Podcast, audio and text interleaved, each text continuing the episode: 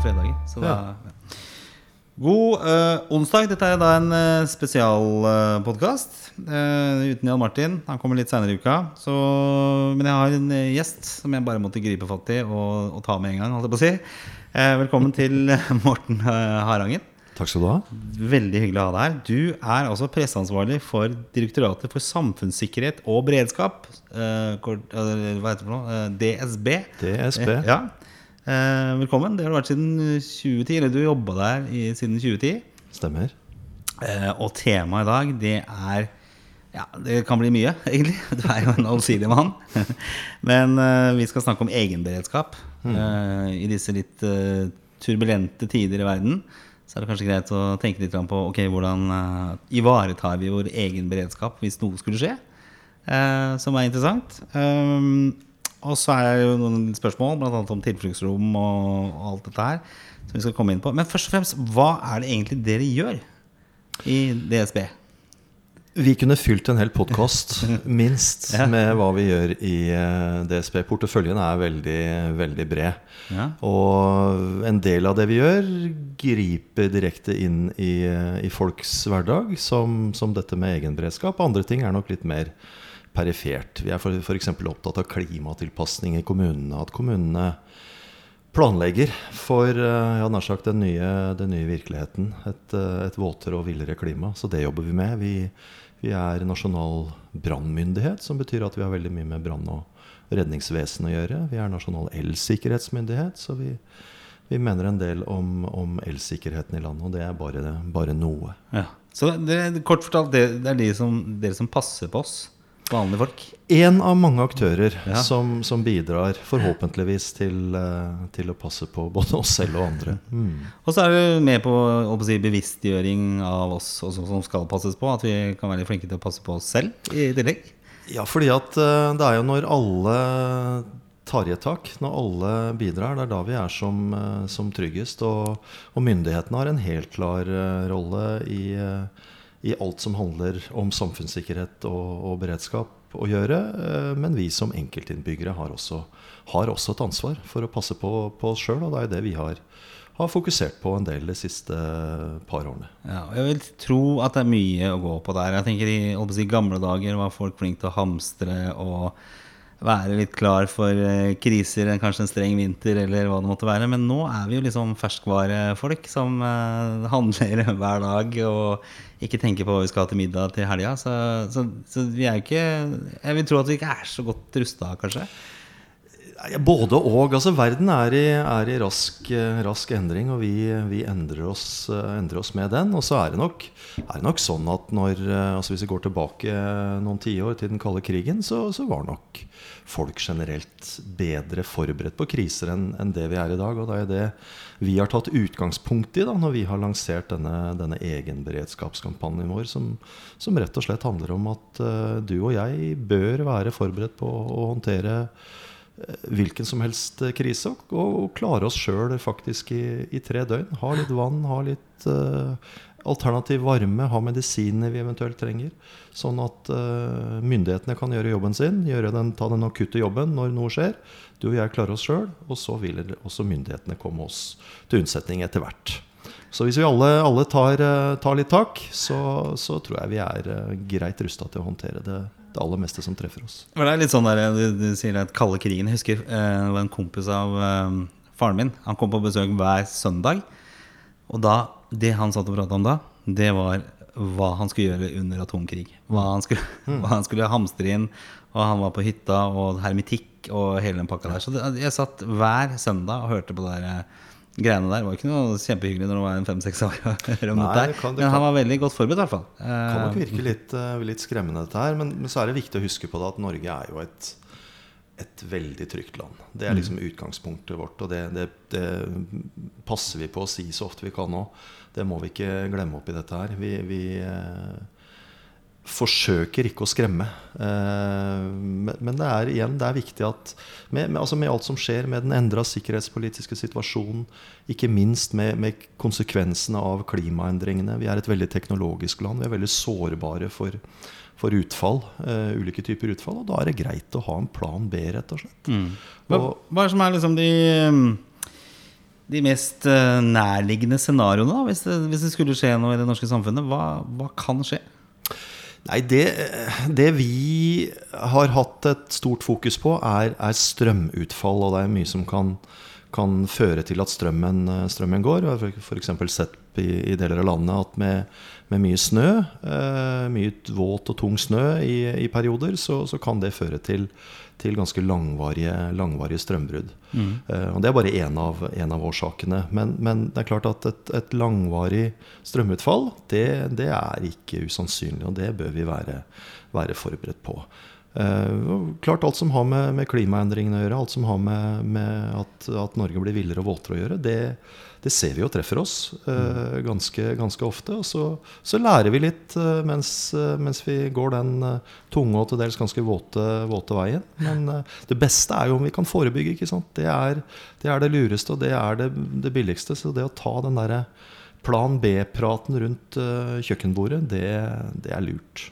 Hvis du f.eks. får et strømbrudd, hvor lang tid tar det før det, det begynner virkelig å prege oss?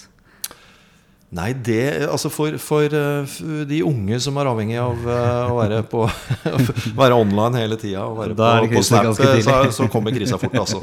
De går rett i krisemodus. Ja. Uh, men det er klart det er med, med, noen forberedelser så kan vi klare oss ganske lenge. Altså vann, f.eks. Ja. Det, det er kanskje noe av det vi vi har sett at uh, veldig mange ikke har på stell. Mm. Uh, vi sier at uh, hver enkelt innbygger bør ha tre liter vann i, i, døgnet. Og hvis du da skal klare deg i 72 timer, altså i, i tre døgn, så bør hvert familiemedlem ha, ha ni liter vann liggende. ja, ikke sant? Ja. Det, er, det, er, ganske det er mye. Ja, det er mye. Så hvis du, har, hvis du har vann, og hvis du har selvfølgelig medisiner du trenger, og hvis du har mulighet til å holde varmen, så, så er jo veldig, veldig mye gjort. Også. Jeg vil tro det kommer veldig an på når dette rammer. Hvis det er på ja. strengeste vinteren, så vil det skje ting raskere. Men du sier at vann blir borte ved strømbrudd? Altså Nei, men altså det, Ikke nødvendigvis. Men, men, man kan tenke seg brudd i, i, i rørledninger av, av, andre årsaker. Ja. Man kan tenke seg forurensning. Det har vi sett eksempler på. Det er mange, mange årsaker til at vannet kan, kan, kan bli borte. Men Eh, klart Hvis dette sammenfaller, da, mm. eh, hvis du får strømbruddet, hvis du får eh, utfall av vann, eh, kanskje andre årsaker enn at, at, strømmen gikk i utgangspunktet, mm. det, er det, det, er jo da det begynner å bli kritisk, og det er da det er lurt å, lurt å ha en plan B. Men da tror jeg vel de aller fleste ikke har vel eh, tre liter vann til seg selv. Mange, mange, har nok ikke, ikke, Nei, ikke sant? Mange har nok, har nok ikke det. Måtte dratt på hytta. Der er, sånn, der er vann ja. i brønn. Ja. Ja. Det er, eh, det er, en, eh, det er en løsning. Og så, så, ser vi at det er mange som tar kontakt med oss og for spør om dette her med alternativ oppvarming. Altså de, de, bor en, eh, si de bor i en bygård i Oslo, og de har ikke mulighet til å, til å fyre med ved, eksempelvis. Og da gjelder det å tenke alternativt. Ok, den muligheten har jeg ikke. Kjenner jeg da noen mm. som kanskje har alternativ oppvarming, som jeg kan, kan, dra til, avtale på forhånd og dra til hvis mm. noe skulle skje? Det er disse små, enkle tinga som ikke nødvendigvis trenger å koste så mye, ikke nødvendigvis trenger å ta så lang tid. Men som eh, blir et sånt veldig stressmoment hvis du plutselig befinner deg i en eller annen situasjon, og så har du ikke, har du ikke den plan B-en din. Og så er det vel, Jeg vet ikke om det er noe tall på hermetikkmat. Jeg antar kanskje det har gått noe ned. altså det er ikke så ofte Bjellands uh, fiskeboller står på bordet lenger. Det er, det er, jo, ikke, det er jo ikke det, vet du. og der står det nok en del rundt omkring på hyttene, vil jeg tro. Ja, ja, Fryktelig gamle 1983. Ikke sant. Så det er, men, men det, er mange, det er jo mange som er glad i å gå på tur. Mange fiskere og jegere og turgåere og fjellfolk som f.eks. har litt real turmat liggende. Og det holder jo til evig tid. Men da må du ha vannet, da. Ja. Ikke sant? Ja. Så dette henger sammen. Shit, altså. Eh, dere hadde jo en sånn eh, en, eh, kampanje som gikk denne 72 timer mm. eh, for å bevisstgjøre dette her med um, disse tre kritiske dagene. Er det, er det det, man regner? Altså at eh, hvis vi blir rammet av noe, så tar det tre dager, og så da bør man ha fiksa det? fra Ja, da, har, da, da, bør, da, bør, i hvert fall myndighetene ha fått en rimelig oversikt og, og, og vært i stand til å håndtere liksom, de umiddelbare eh, den umiddelbare krisen, eh, og ikke minst hjelpe de som, som ikke er i stand til å, til å, hjelpe seg selv. Så det er i hvert fall en god, en god rettesnor, tenker vi. Og så er det jo viktig å si at det er ikke bare DSB som står bak denne kampanjen. Nei. Selv om vi er avsenderen her, så har vi trukket inn masse fagmiljøer som har kommet med, med, med sine råd. Eksempelvis helsemyndighetene har, har, ment noe om dette med medisiner og, eh, og slikt bl.a. Så, så det er, dette, er en, eh, dette er gode faglige råd fra, om ikke hele Beredskaps-Norge, så i hvert fall store deler av det. Det er bra at det gjøres, for det, vi har vel levd i en liten boble nå i mange år nå hvor vi tenker at ikke noe gærent kan skje. Ja, vi har jo det. Det er jo det er klart eh, Når eh, muren falt og, og, og den sikkerhetspolitiske situasjonen roa seg, så, så, gjorde jo vi også det. Og det er, jo, det er, jo, helt naturlig, det. Men nå ser vi at vi stilles overfor en del utfordringer som gjør at vi, vi kanskje bør eh, øke årvåkenheten igjen mm. når det gjelder dette her. For det er jo både som du sier, klima og si, andre faktorer. men i og med at vi er så avhengige av um, det teknologiske, så er vi jo sårbare for terrorisme og sabotasje også. Og det tenker jeg at den neste Armageddon fort kan være nettopp det. Ja. Vi, vi ser jo Jeg tror ikke du er aleine om å tenke, tenke, det. Og så er det andre myndigheter som, som kan dette atskillig bedre enn det vi kan. Men, men vi ser jo, vi gjør jo vi gjør en befolkningsundersøkelse hvert år hvor vi undersøker hva, hva innbyggerne er bekymra for. Mm. Og da kommer jo Altså vi skisserer opp x antall ulike typer hendelser med høyst ulik grad av, av uh, sannsynlighet. Men da ser vi jo at, at det med, med cyberangrep uh, er noe som, som, en del innbyggere bekymrer seg for. I, den siste undersøkelsen så lå det helt på topp mm. foran terrorflom. Så, så jeg tror ikke du er alene om å, om å tenke på det. Men henger det på en måte i altså dette med sikkerhet kontra det å utvikle digitale løsninger? Altså, er man flinke nok til at det henger sammen? Altså, man er flink til å utvikle digitale løsninger, men, men tenker man sikkerhet godt nok? For å ta innbyggerne, da, som vi er spesielt opptatt av, så eh, har vi jo en vei å gå. Og det sier også myndighetene som jobber eh, spesifikt med, med dette her. Jeg vet ikke hvor mange ulike passord du har. Sannsynligvis ikke veldig mange. Og de, som, eh, og de som kjenner deg godt, vil muligens kanskje til og med ha en idé om hva passordet ditt kan inneholde også. Ja, jeg prøvde å være litt Ja, jeg prøvde å være flink til det. For det, ja. jeg hadde jo noen sånne enkle løsninger. jo, men mange, mange har det. Men, men jeg, tror, jeg tror nok også oppmerksomheten rundt det øker. Altså Man blir oppmerksom på at altså Man leser om ting i, i, i mediene. ikke sant? At, at, ting skjer. Eh, enkelte får stjålet identiteten sin. Noen har sikkert opplevd at, at minibankkort og kode har blitt, har blitt stjålet og har blitt utnytta. Og det er jo ting som, som, gjør at oppmerksomheten øker også om, om det. Jeg må jo være litt imponert også, da, særlig i forhold til bankvesenet. Jeg har jo DNB. Kan jeg gjøre litt reklame for de Uh, og de ringte meg veldig kjapt når det var noen rare trekk fra kontoen. Ja. Uh, og fikk stoppa det. Og det var jo ikke store summer heller. Det var sånn 30 kroner og 150 kroner. Og sånt også. men det var gjort fra forskjellige steder. Altså det var mulig Det brøt med mønsteret ditt. Ja, og så var det der med en gang. Og det, da, Opplevd akkurat det samme. Jeg var i utlandet og skulle betale for, for, for fisking, av alle ting. Eh, så viste det seg at vedkommende som eh, vi skulle betale, ikke tok kort. Ja. Så da måtte vi gå i, i minibank eh, og ordne dette, dette, her. Og det var jo i, i grisgrendt strøk, så vi måtte kjøre et lite stykke. Um, og, men vi tok ut ganske mye penger. Uh, og da gikk det ja, mindre enn en time. Så mm. fikk, fikk, jeg også en telefon fra min bank og, og, som da ønska å bare bekrefte at det faktisk var meg. Så det er jo det er betryggende. Det er vel én gang det har rast ut en god del penger, men det var mange år tilbake. Så det var litt sånn at de testa De hadde fått tydeligvis kortnummeret, men ikke um, utløpsdato. Mm. Så det var mye sånne reservasjoner, men uh, ikke reelle trekk til slutt. da uh, men, også det gikk jo veldig kjapt.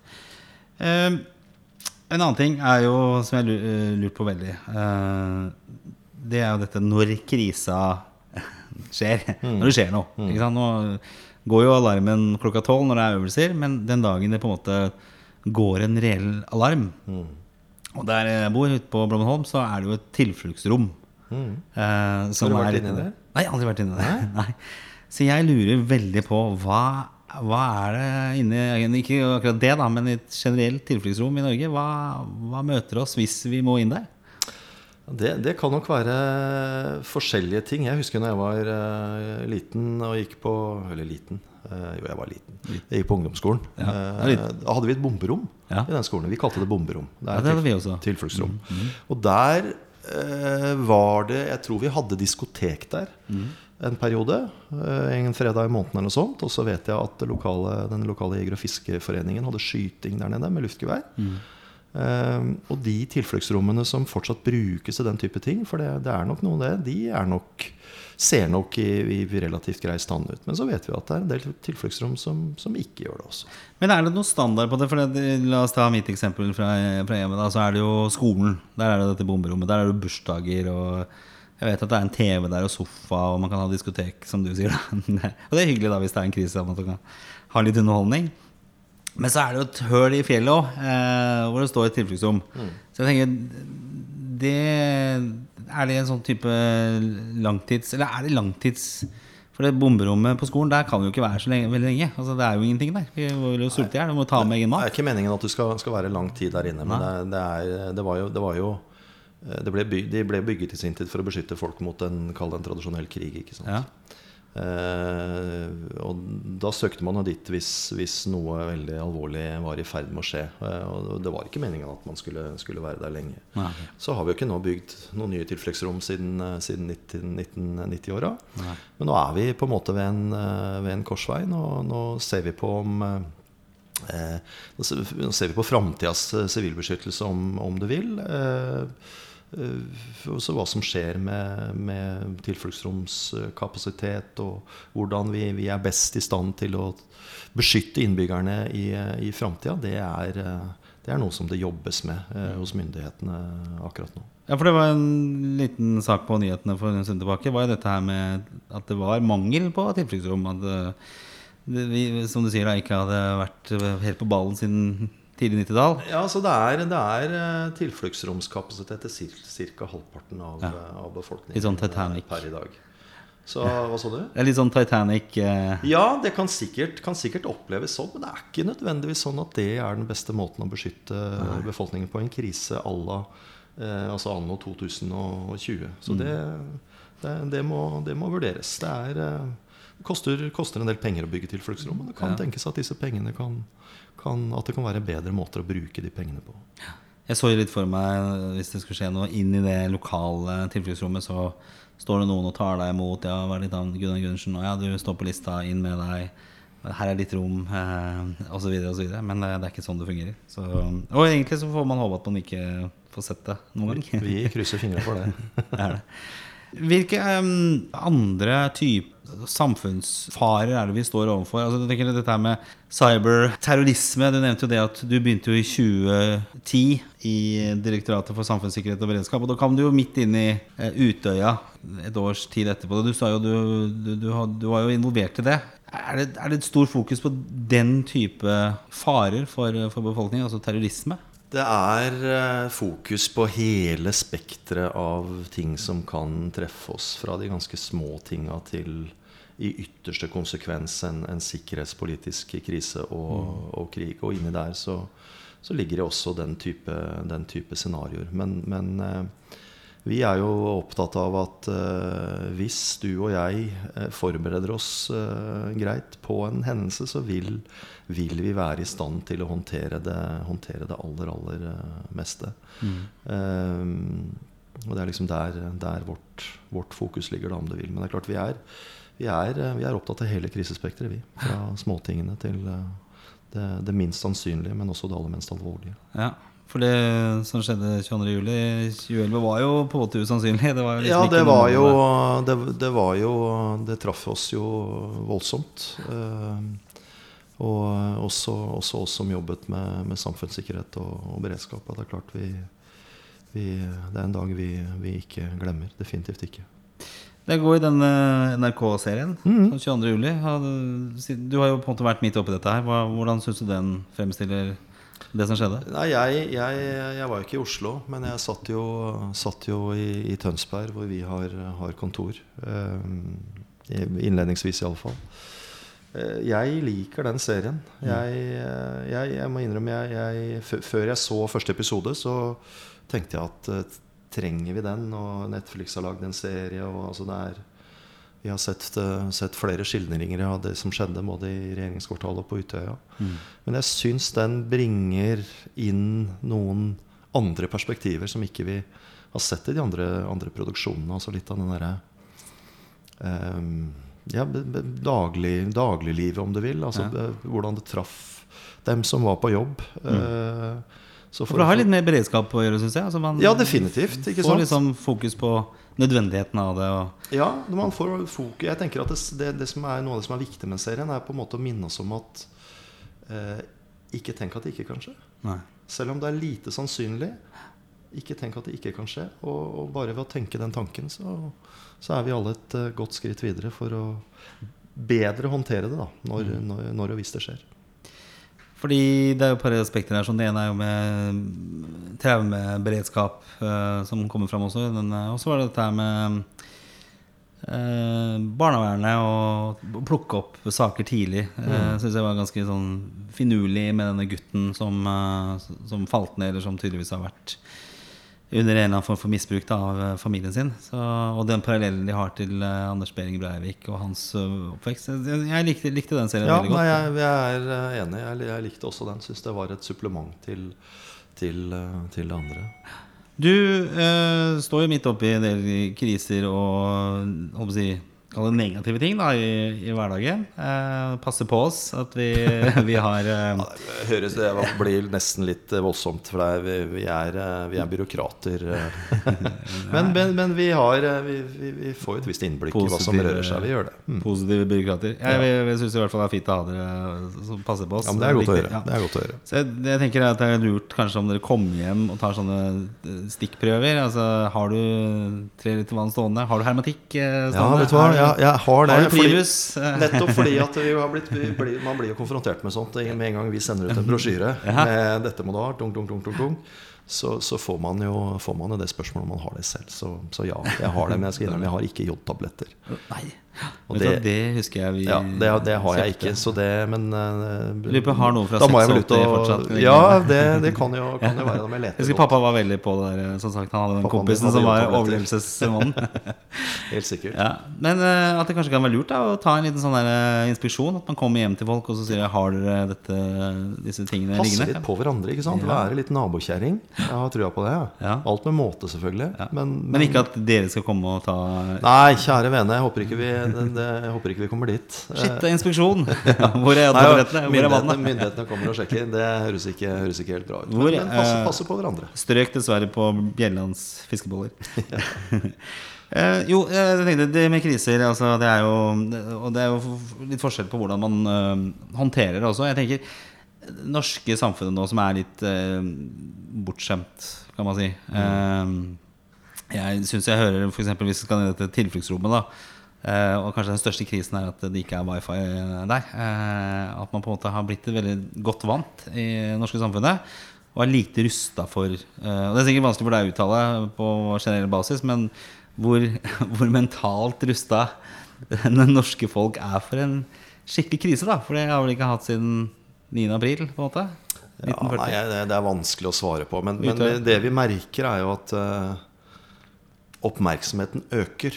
Eh, og det er mange grunner til det. det er, den viktigste grunnen er jo at det skjer ting nærmere oss nå enn det det kanskje gjorde for et par tiår siden. Ikke sant? For eksempel hvis vi har hatt x antall terroranslag ganske, ganske tett på. Det er klart det, det, det gjør at eh, du og jeg tenker antageligvis mer på terror enn det vi gjorde, mm. gjorde før. Eh, vi har mer vær. Det er i ferd med å bli villere og våtere, og det gjør at din og min oppmerksomhet om, om eh, flommer og eh, uvær, den, den er større nå enn det han, han var når, når, eh, når det var roligere. Så det er, det er ganske, ganske naturlig. Og da, da må vi på en måte henge oss på det, tenker jeg, og, og, og, og ta tak i den oppmerksomheten og bruke den til noe positivt. Og, og, og bidra sammen med mange mange andre til at, eh, at vi står litt bedre rusta til å håndtere den type hendelser. Følg med, folkens. Se opp fra Netflix og smarttelefonene og tenk litt uh, hva, Klarer du å overleve eh, tre dager? uten hjelp fra mamma og stat. Eh, jeg plager meg selv Eller jeg, jeg plager meg ikke, men jeg syns det er en utrolig flott serie som heter Dystopia. Som uh, er fra svensk P3. Jeg vet ikke om du hører på den? Nei? Den må jo du høre på, for det er jo alle disse krisetingene vi kan stå overfor. Og det er jo alt fra eh, klimaendringer til eh, cyberterrorisme, artificial intelligence, eh, som også er en fare vi kan stå overfor, faktisk. Og økonomisk kollaps osv. Så, videre. så det er tips både til deg, Morten, og til Takk. alle andre. Det er Dystopia, som er, finner den overalt hvor, hvor du finner podkaster. Fra Sverige. Eh, så vet jeg, du har jo en eh, Som sagt, du, du er jo midt oppi dette her. Og, men du har en litt sånn annen, et annet ytterpunkt. For det er jo det å eh, Dette er jo liksom mental, mental podkast, skal det være, på en måte, med en psykolog eh, på jevnlig basis her. Eh, men du driver med, med fiske og fluefiske, så vidt jeg forstår? Eller er det alle mulige varianter? Nei, det er mye fluefiske Ja. nå. Eh, fisker med andre metoder òg, men jeg Ja. koser meg aller mest med fluefiske. Jeg har vokst opp med, vokst opp med fiske. Ja. Vokste opp med besteforeldre som hadde hytter i fjellheimen i, i Telemark og, eh, og i Buskerud. Og så har jeg vokst opp i Indre Vestfold sjøl, i Lardal. ja. Eh, så dette har jeg fått inn eh, fra jeg var, var bitte, bitte liten. Og det har jeg, har jeg tatt noen hakk videre i voksen alder, må jeg være lov til å si. Ja, ivrig fisker. var det alt fra å sitte og binde egne fluer, eller? Ja da, det er eh, det, er det til eh, å fiske da eh, mest ørret og laks hjemme i Norge, men også ute i, i den store verden. Og så parer jeg dette her med litt sånn historieinteresse i tillegg. Så da, da blir det noen turer til Storbritannia, da, som liksom er Altså England og Skottland er på en måte fluefiskets vugge. Ja. For der, der den sporten ble, ble utvikla på 1800-tallet og tidlig på 1900-tallet. Så, så jeg koser meg med det både, både hjemme og der. Men jeg, jeg reiser også til England, men det er ofte for å fiske til tre poeng eh, på Fotball, ja. fotball. Ja. Mens du reiser rundt. Men jeg tenker at det må jo være utrolig Altså Det er jo så, så gammelt og ærverdig. Jeg tenker, er, litt, er denne sporten litt sånn som tweed og eh, revejakt, og det man tar i gamle tradisjoner? Ja, det er jo mye altså I Storbritannia det er jo konservativt samfunn. Ja. Er det tweed du fisker i? på? Ja, nei, Noen steder så ser man faktisk gjerne at man i hvert fall er noe propert antrukket. Ja. At man ikke kommer i jeans og ei T-skjorte. Ja. Eh, men det var nok, det var nok atskillig mer konservativt eh, før. Men eh, det hender vi fisker i skjorte, ja. Ja. Uh, ikke nødvendigvis slips, kanskje, men uh, hender vi Snadde. Um. ja, ja, nei, men tweed er et, u, u, er et uh, undervurdert materiale. Det er veldig fint å bevege seg og Ja. holde godt på varmen og puste godt. Så det, tweed er fint. Inn med sånn uh, Range Rover, en gammel Ja, Hadde jeg hatt en gammel Defender eller noe sånt, ja, det, er, det er skikkelig fiskebil. Ja. Nei, det er, Men det er, eh, er det, det, er, det er som å fiske et postkort der borte. ikke sant? Det er, hvis du har sett Downton Abbey, da, for eksempel, ja. eller, eller Poirot, eh, Miss Marple. Ja, ikke sant? De er jo spilt inn der hvor vi fisker. Er? Eller omvendt. Vi fisker jo der hvor dette spilles inn. Eh, og det å få lov til å, å bare bruke noen dager i, i det landskapet Masse hyggelige folk, trivelige puber. Vi har en bitte liten landsby nede i Hampshire eh, som vi har liksom brukt som base siden vi reiste dit for første gang. Da er vi altså Sør-England. Er det type New Forest-område? Ja, nei, det er ikke, det er ikke helt eh, det. Vi er, nå, er vi, nå er vi en 45-50 minutter nord for Southampton. Oh, ja, okay. ja. Um, eller et lite sted som heter Stockbridge. Så det er et, det er et godt, godt reisetips. Der, der bor vi på et vertshus fra 1400-tallet. Og det er så lavt under taket i, i restauranten der at du, du går oppreist. Går du og jeg oppreist, så skaller vi. Og antageligvis er det ikke en myndighet i Norge som ikke hadde stengt det stedet på flekken. Brannvesen, mattilsyn, eh, you name it. Eh, Men det er altså s- så fantastisk atmosfære der at bare det å være der noen dager, det er balsam for hode og, hode og sjel. Altså. Og så fisker vi litt, men fisking er liksom ikke det er ikke så viktig. Å få mye fisk eller stor fisk betyr, betyr ikke så mye. Men bare å være der, spise godt, drikke godt, bruke tid sammen med hyggelige mennesker, det er, det er greia. Men er det litt sånn guttastemning? Altså, er det Ja, det er jo det. Er jo det. Ja. det er en gutte, dessverre. Vi ønsker oss eh, flere jenter inn i, inn i fluefisket. Ja. Gjør dere egentlig det? Altså, Ja, det gjør vi. Det er ikke, helt sikkert ikke alle. eh, og kanskje særlig ikke der. Men eh, en del av oss syns det er fint. Og vi har jo fått noen innmari flinke kvinnelige fluefiskere etter hvert. Vi har bl.a. en verdensmester i, i kasting fra, fra Vestfold. Så, så, det er, så, det kommer. Men det er klart det er en, det er en gutta-greie. ikke sant? Er, hva, hva skal til for å være en god fluefisker, da? Ja, for det første så tror jeg at det er en del som liker å gi inntrykk av at dette er fryktelig komplisert og veldig vanskelig, og hvis du får det til, så er du, da er du, da er du god. Ja. eh, og det er klart, de gode, de er gode, men det er ikke, det er ikke så jækla hokus pokus, altså. Ja, tålmodighet. Tålmodighet. Og så hvis du har lyst til å prøve det, så, så spore opp noen som enten noen som har et kurs, en eller annen forening, det er masse fluefiskeforeninger, eller noen du kjenner som fisker med flue, som bare kan gi deg en liten innføring i det, så, så er veldig mye gjort. Det er ikke vanskelig å, å, lære seg dette godt nok til å, til å fange en, fange en ørret. Altså. Det er ikke noe, ikke noe hokus pokus. Og så er det bra samfunns- eller egenberedskap også. Det er, det er bra egenberedskap, vet du, for da kan du, gå, kan, du, kan du, stikke ut og skaffe mat. Når, Mulighet for å skaffe når, egen mat. Når det røyner på. Ta deg, ut i, ta deg ut i skogen. Ja, nei, men det er, det er så mye positivt med, med det i, mitt, i min verden. Og så prøver jeg jo også å å ta med unger og, og ta ja, med Jeg har hatt med kollegaer, jeg har hatt med, med kjæresten min, og det er Nei, det er jo Jeg tror uansett selv om, selv om det, man kan gå veldig inn i det, og det, og det framstår som veldig nerdete og veldig sært, noe det absolutt kan være, så er det fullt mulig å, å, å glede seg over det for, for alle som bare trives med å være ute også. Men Er det ikke litt sånn deilig å nerde seg ned i tinga? Det er jo utrolig. Og så lenge det gir det jo, Jeg får jo mye kritikk for fotballinteressen. Ja. Eh, og det er jo sikkert legitimt på mange måter. At er, du må bruke mye tid på noe dusteri, egentlig. Mm. Men i, for meg så er det ja, jeg, livet som sådan. Ja, det er opp- og nedtur, samhold, ikke... håp, glede osv. Ja, ikke sant? Og jeg tror jeg, jeg håper alle har en sånn eh, kanal, eller en katalysator, eller hva søren jeg skal kalle det. Vi har en eller annen greie som, som, gir dem det samme som, som, det å være ute i naturen, og, og særlig fiske. da, gir meg. Som fotball helt sikkert er for deg. Mm. Som, som, golf kan være for andre. Som strikking kan være for noen. Altså, som gjør at du bare forsvinner litt inn i deg sjøl med, med, eget hode. Og så setter verden litt på pause. For det er det jeg gjør, i hvert fall. Ja. Uansett hva som rører seg på privaten eller i jobb eller i andre sammenhenger, så, så, så klarer jeg å sette det på pause lite grann. Mm. Bare for å lade batteriene litt. Og så kommer jeg tilbake med, om ikke opplada batterier, så i hvert fall mer futt i batteriene enn jeg hadde når jeg dro. Mm. Og da har jeg litt mer å gi. Ja.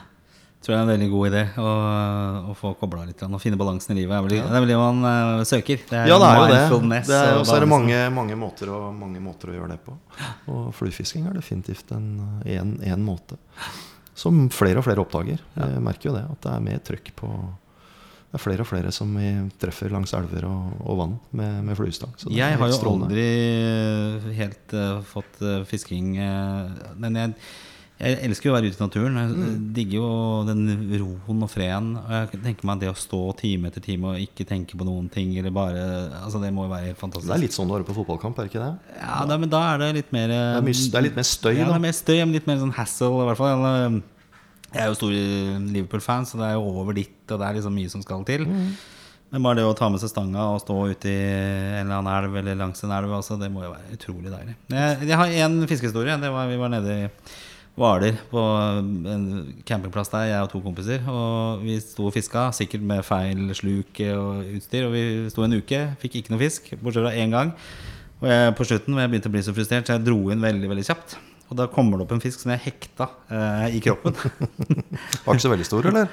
Nei, den var, men den falt av også, da. Men den, okay. altså, den hadde jo ikke bitt. Den hadde blitt hekta fast. Ja. Så si det må jo ha vært ganske mye fisk der. For det, hvis du klarer å dra en sluk gjennom vannet, og du hekter en fisk, så må det ha vært noe der. Men det er det som er med fisking. Vet du, at det er mange sånne oppleste og vedtatte sannheter, kanskje spesielt innen laksefiske. da, for det når vi fisker med flue til ørret, så, så, imiterer vi noe som ørreten spiser. Mm. Og prøver å servere det på en måte som ser naturlig ut.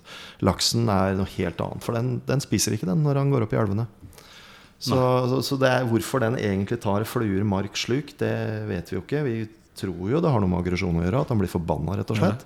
Han skal jo opp og ha seg. Det er ja. det han skal. Ja. Og det er klart, hvis han ser en inntrenger, så så gjør han sitt da for å, for å jage inntrengeren vekk. Det kan være én forklaring, iallfall. Du tenker ikke over det at du frarøver laksen laks, holdt jeg på å si? Eh, ja.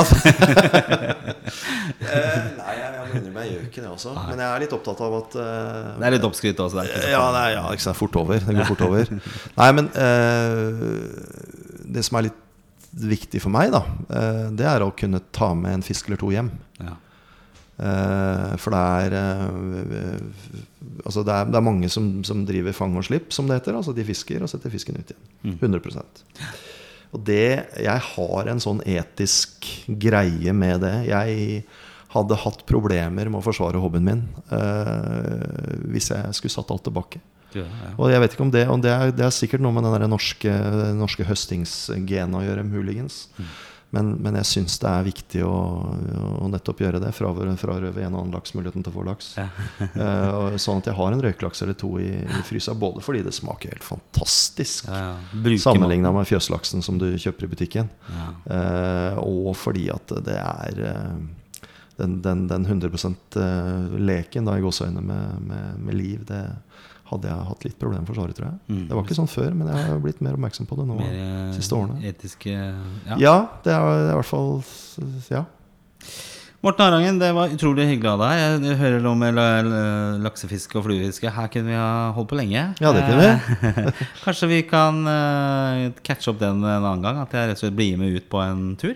Ja, det kan vi gjøre. Og få liksom den For det jeg, jeg har jo litt sånn sidespor i denne podkasten som jeg aldri egentlig har fått noe deres på. Det er jo Du nevnte jo balsam for sjelen. Eh, Mm. Og det er jo rett og slett å finne Snakke med folk og oppleve den stemningen folk har når de er i balanse og de finner fred. Og det signaliserer du sterkt at du gjør her.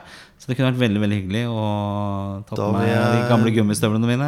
Ikke sant? ut. Benytte anledningen til å invitere deg ned til Numedalslågen i Vestfold, som er en av Norges beste lakseelver. En av de få elvene som av en eller annen grunn fortsatt fisker veldig bra. Eller så kan vi jo dra opp til, eh, til Vegard Heggem, tidligere Liverpool-spiller. Ja. Han driver jo laksefisketurisme i Trøndelag. Shit, altså. Den Så da får, da får tikka begge boksene. Ja. Balsam for sjelen med Liverpool-historier. Nei, vet du hva, det, det, det skal være med på. Tusen takk, eh, Morten Argen. Det var utrolig hyggelig av deg. Lykke til med fiske, lykke til med beredskapen. Og mot, mot Nei, hva heter det? for? Eh, målet med denne episoden var jo å få folk til å være litt mer bevisste på sin egen eh, beredskap. Rett og slett. Ja, det håper jeg. Og så få litt eh, feeling for laksefiske også. Jeg tror vi har oppnådd begge deler. Takk skal ha. Takk skal du ha. Ha det godt. Hei, hei.